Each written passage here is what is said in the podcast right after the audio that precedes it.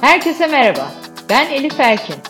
Bundan böyle iyilik sağlık dolu bir yaşam için bilmemiz gerekenler hakkında uzmanlarla bir araya geliyoruz. Merak ettikleriniz için bana ulaşın, araştıralım, hep birlikte öğrenelim. İyilik sağlık sohbetlerine hoş geldiniz.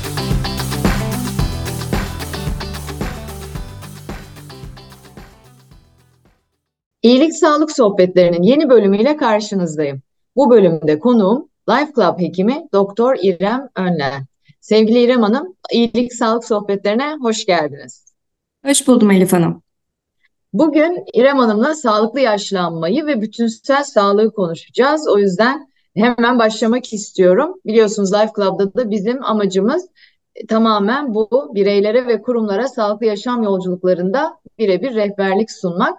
Şimdi yaşlanmak da hepimizin en korktuğu şey mi diyeyim? E, hepimiz aslında uzun, sağlıklı, anlamlı bir ömür sürmek istiyoruz.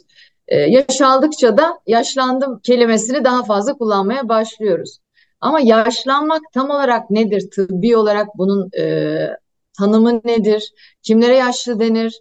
Yaşlanma süreci nasıl gerçekleşir? Ve bedenimizde nasıl değişiklikler olur? Önce bir e, tanımlamayla başlayalım. Ben çok istiyorum deyip sözü İrem Hanım'a bırakıyorum. Ee, her yıl insanlar topraktan, sudan, soludukları havadan ve aldıkları gıdalardan binlerce kimyasal toksik ve zehirleyici maddelerin etkisi altında kalıyor. Bu toksinler bağ dokuda vücudumuzu, dokularımızı bir arada, tut, bir arada tutan, onları bağlayan ve destekleyen yapılara verilen genel bir ad bu bağ doku. Bu toksinler burada birikerek yaşlanma sürecini başlatıyor. Yani ne demek bu yaşlanma? İşte beden direncimiz azalıyor, hormonal dengesizlikler oluyor, sinir sistemindeki bozukluklar oluyor, fizyolojik dengesizlikler başlıyor. Aslında tam olarak yaşlanma dediğimiz şey bu durumların yaşandığı fiziksel, ruhsal ve zihinsel yaşlanmayı tanımlıyor. Yani aslında e, toksinsiz mümkün değil tabii ama ne kadar az toksinle bir arada olursak o kadar geç yaşlanıyoruz diyebiliriz. Temel sebep bu toksinlerin bizi yaşlandırması gibi mi? Aynen öyle. Yani bu toksinlerin yarattığı e, detoksifikasyon süreçlerinin zayıflaması, e, onarım süreçlerinin zayıflaması e, bu bütünsel olarak yaşlanmayı başlatıyor. Tabii. E, bir de doğru yaşlandığımı e, en çok bedenimiz için söylüyoruz ama e, zihinsel anlamda da yaşlanmak dendiğinde genellikle sadece işte unutkanlık e, gündeme getiriliyor. Halbuki yorgunluk, e, yani zihinsel yorgunluk belki değil mi? Farklı belirtiler de var. E, birazcık da onlardan bahsedelim mi? Yani hangi e, yaşlanma belirtileri bize sinyalleri vermeye başlıyor? Yani bir kendine e, kendine gel. Yani bu hani buna karşı bir şeyler yapabilirsin. Çünkü biliyoruz ki pek çok şeyi önlemek mümkün. Hangi belirtiler e, erken yaşlanma belirtisi ya da endişe kaynağı olmalı? E, ki doktora başvurup belki birazcık bu süreci yavaşlatmak, durdurmak için bir şeyler yapmalıyız. Aynen öyle. Bu süreçlerin farkındalığında ilk başta zihinsel süreçlerde sizin de dediğiniz gibi unutkanlık ve kognitif zihinsel fonksiyonlarda yavaşlama başlıyor görüyoruz. Daha sonra e, fiziksel olarak ağrı problemleri, kronik yorgunluk, örneğin eforla gelişen kardiyak problemler, tansiyon, dolaşım sistem problemleri, e, kas kayıpları, görme problemleri, e, azalan cinsel dürtü ve fonksiyonlar ve e, görünür olarak hissedebileceğimiz aslında derinin elastikiyet problemleri, kırışıklıklar, sarkmalar. Bunlar e, yaşlanmanın belirtileri olarak sayabiliriz. Evet, e, bu tip belirtiler bize belli sinyaller veriyor. E, bunun yanında bir de hani uyku düzeni hep ben çocukluğumda hatırlıyorum. Anneannem söylerdi. E, o erken yatar sabahın beşinde de kalkardı böyle. Yani ne, ne, ne kadar geç yatsa da sabahın beşinde kalkardı ve hep yaşlandıkça göreceksin uyuyamayacaksın. O yüzden şimdi uyu uyuyabiliyorken derdi. Yaşlandığımızda uyku düzeni nasıl etkileniyor? Ee, uyku biliyoruz ki hem bir hastalık sebebi hem de bir tedavi aracı aslında. Hep e, son dönemde özellikle uyku kalitesini çok konuşur olduk. Nerede uyuduğumuz, hangi derecede uyuduğumuz, e, uyumadan önce ne yaptığımız, işte bu mavi ekrandan ne kadar uzaklaştığımız gibi gibi e, farklı şeyler de var. Yani yaşlandıkça uyku düzeni bir kere gerçekten farklı etkileniyor mu? Daha mı az uyumaya başlıyoruz? Uyuyamıyor muyuz? Ee, bir de bu uyku kalitemizi nasıl arttırabiliriz? Birazcık onlardan bahsedelim mi? Şahane. Şimdi şöyle insanoğlu hayatının yaklaşık üç, üçte birini uykuda geçirir diyoruz biz. Bu da 60 yıllık bir ömrü olan insanın 20 senesi uykuda geçiyor demektir. Uyku günlük çalışmalardan yorgun düşen insan bedeninin ve sinirlerinin dinlenme zamanıdır. Orada her şey tamir olur. Vücut orada dinlenir, e, zihin orada dinlenir. O yüzden e, bizim için normal bütünsel sağlıkta en önemli sorguladığımız ve kalitesini arttırmak için e, önerilerde bulunduğumuz temel şey. Şimdi şöyle yaşlandıkça bu durum nasıl oluyor? Uyku miktarı azalıyor mu dediğimiz zaman aslında daha az uykuya ihtiyaç duyulduğu düşüncesi birazcık yanlış. Çünkü yetişkinlik dönemi boyunca uyku ihtiyacımızın değişmediği söyleniyor araştırmalarda. Hı hı. Ama yaşlılar gençlere göre ortalama bir buçuk saat daha az uyuduğunu gösteriyor. Bunun sebebinin de bir melatonin hormonuyla alakalı. Hı. Yaş artışıyla melatonin hormonu azalıyor. E, bu uyku bozukluğunun sebebi olarak günlük ritimdeki değişikliklerden ve e, yaşlıların işte kronik hastalıkları ve nefes alma problemlerini de baz alırsak bir tık daha az uyu uyuyabildiklerini söyleyebiliriz. Uyku hijyeni konusunda da şunu konuşabiliriz. Dediğiniz gibi uyku kalitesinde e, sürekli uyumak, REM uykusunu uzun tutmak e, için burada yapmamız gereken şeylerden en önemli şey odamızın sessiz ve e, ışığa maruz kalmadığı e, ortamı sağlamak. E, mavi ekran REM uykusunu azalttığı için uyumadan önce ve uyku sırasında ona maruz kalmamalıyız. Ee, başka neler önerebiliriz? İşte o stresi regüle etmek için nefes egzersizleri yatmadan önce bunlar çok kıymetli oluyor. Ee, herhangi bir kronik hastalığımız varsa onları tedavi et, diyabet, işte prostat büyümesi gibi hastalıklarımız varsa bunlar da uyku bölünmesini ve kalitesini bozduğu için bunların tedavisi çok kıymetli. Ee, horlama şikayetlerimiz varsa bunları çözmemiz gerekiyor. Ee, bu şekilde uykudan önce yeme, yemek yeme durumunu en az 3 saat önceye almamız gerekiyor. Ee, bunları yaptığımız takdirde uyku kalitesini arttırdığımızı ve daha dinlenmiş olarak uyanmayı, gün içerisinde uykuya ihtiyaç olmadığını görüyoruz. Evet, bu da tabii bütünsel sağlığımızı gerçekten çok etkiliyor. Daha önce farklı e, uzmanlarla da iyilik sağlık sohbetlerinde uykuyu konuşmuştuk. E, bir de nasıl uyuduğumuzu bilmiyoruz ya, iyi uyuyoruz zannediyoruz. Hani e, gördüğüm kadarıyla bazı araştırmalarda da var. E, çoğu insan eğer yalnız uyuyorsa horladığının, uyku apnesi olduğunun da farkında değil. E, o anlamda e, mutlaka e, bir hani hayatın bir döneminde bu e, nasıl uyuduğumuza dair belki uyku testlerini e, değerlendirmek ya da belki e, kendi sesimizi uykuda en azından belli birkaç saat için kaydedip dinlemek gibi önerilerde de bulunmuşlardı. Evet yani yaşlanmayı görüyoruz çok net kendi bedenimizde de görüyoruz çevremizdeki insanlarda da görüyoruz.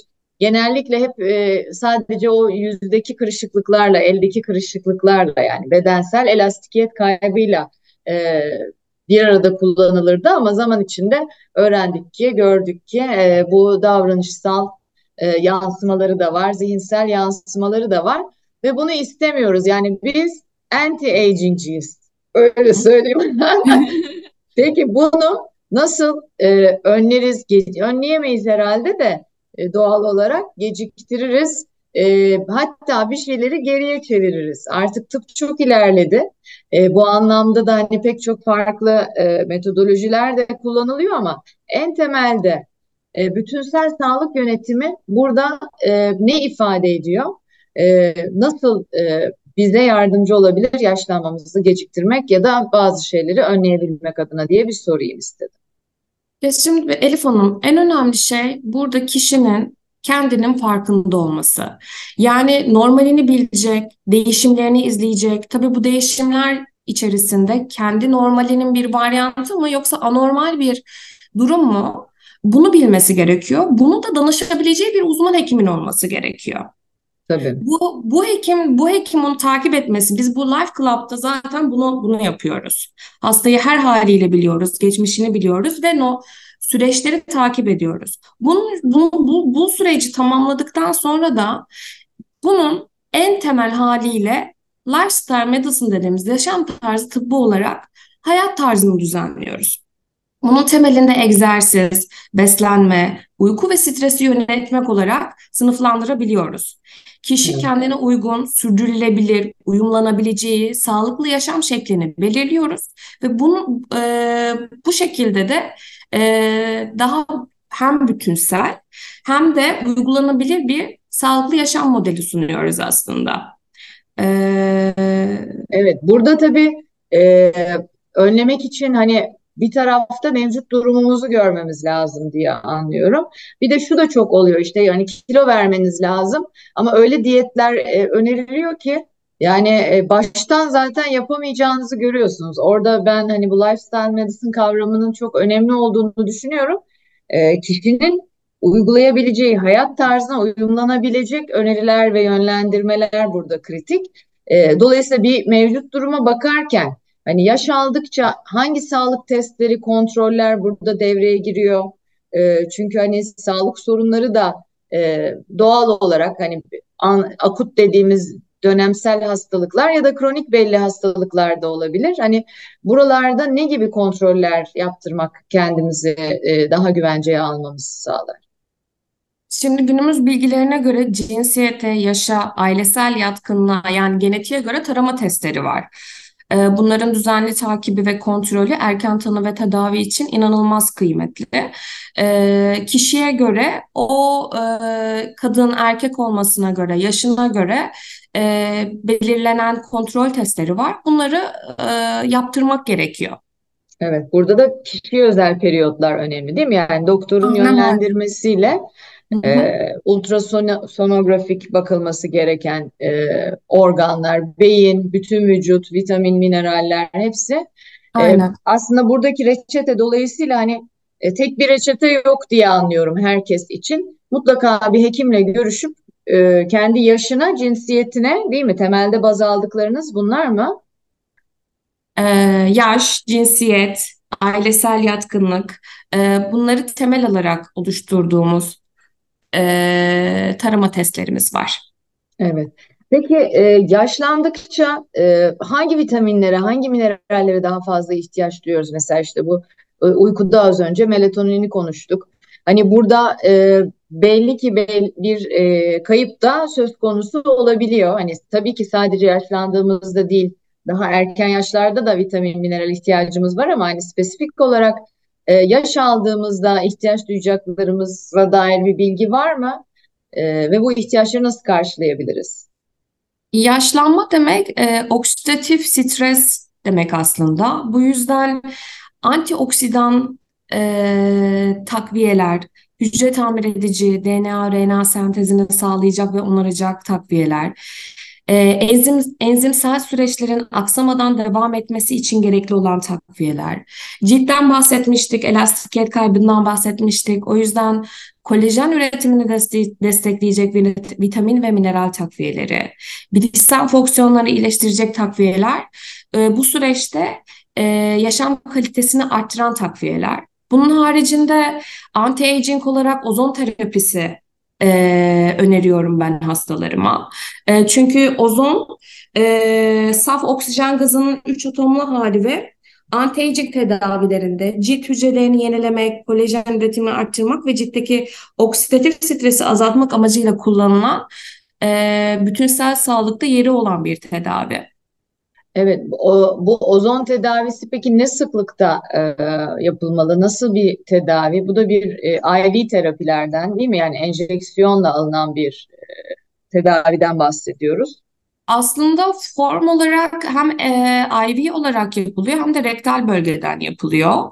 E, ozon terapisi kişinin ne amaçla yap, yaptığına bağlı. Anti-aging tedavi ise bu yaptırma amacı sağlıklı bir bireyse e, ee, 10 seans şeklinde düzenleniyor.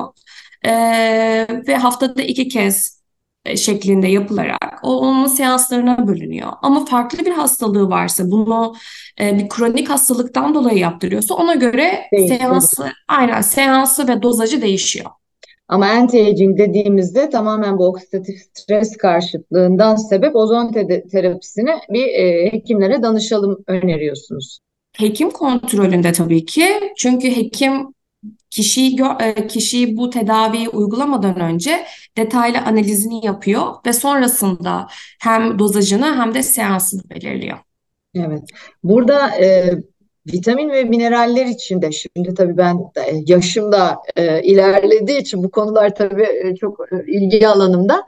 Vitamin ve mineral tarafında da e, aslında bir ne dedik? Kolajen e, tetikleyiciler dedik. E, değil mi? Bu cildimiz için. Şimdi bir de bilişsel fonksiyonlar gerçekten çok önemli çünkü çok yoğun çalışıyoruz ve hayatlarımız eskiye göre çok daha dolu. Yani iş, iş içinde gün boyunca yaptıklarımız, ev için, arkadaş çevremiz ve bütünsel olarak daha da e, zihnimiz berrak bir şekilde doğal olarak e, hayatı e, sürdürmek istiyoruz.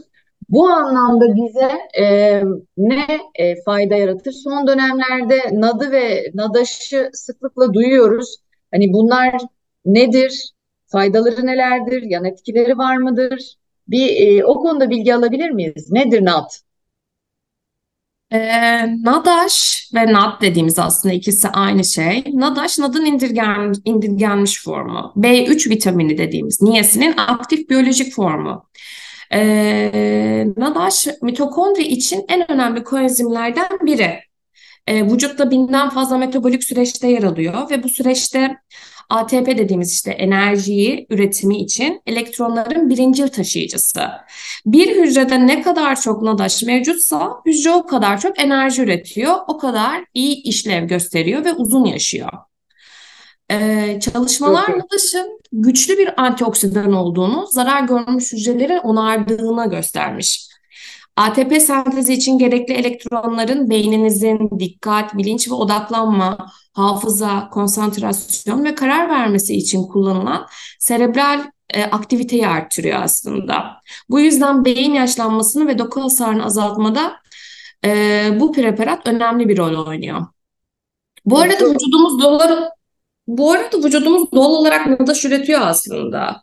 E, bu yüzden takviye aldığımız zaman hani yan etkisi evet var mı sorusu var mesela kafamızda ama tabii ki doktor kontrolünde her zamanki gibi her takviye olduğu gibi doktor kontrolünde ve tavsiyesinde alınmalı.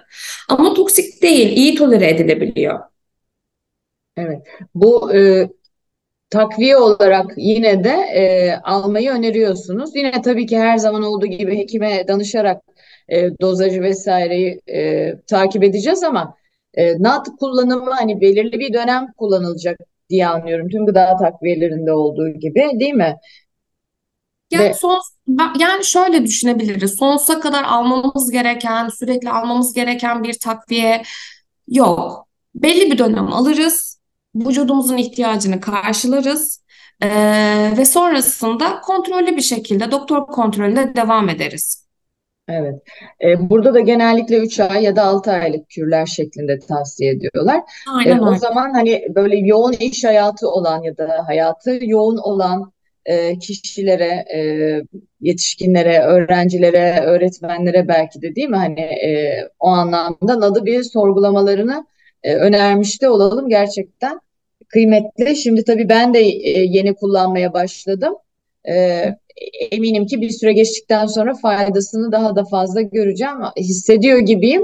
Ama tabii bu tip gıda takviyelerinde de bazen şey oluyor ya kesin bir şey oldu ama e, kanıtlayamam ama hissediyorum durum oluyor. Biraz hafiften bende de o e, aslında zihinsel güçlenme e, hissediliyor diyebiliyorum da bir yandan. Bakalım göreceğiz İrem Hocam.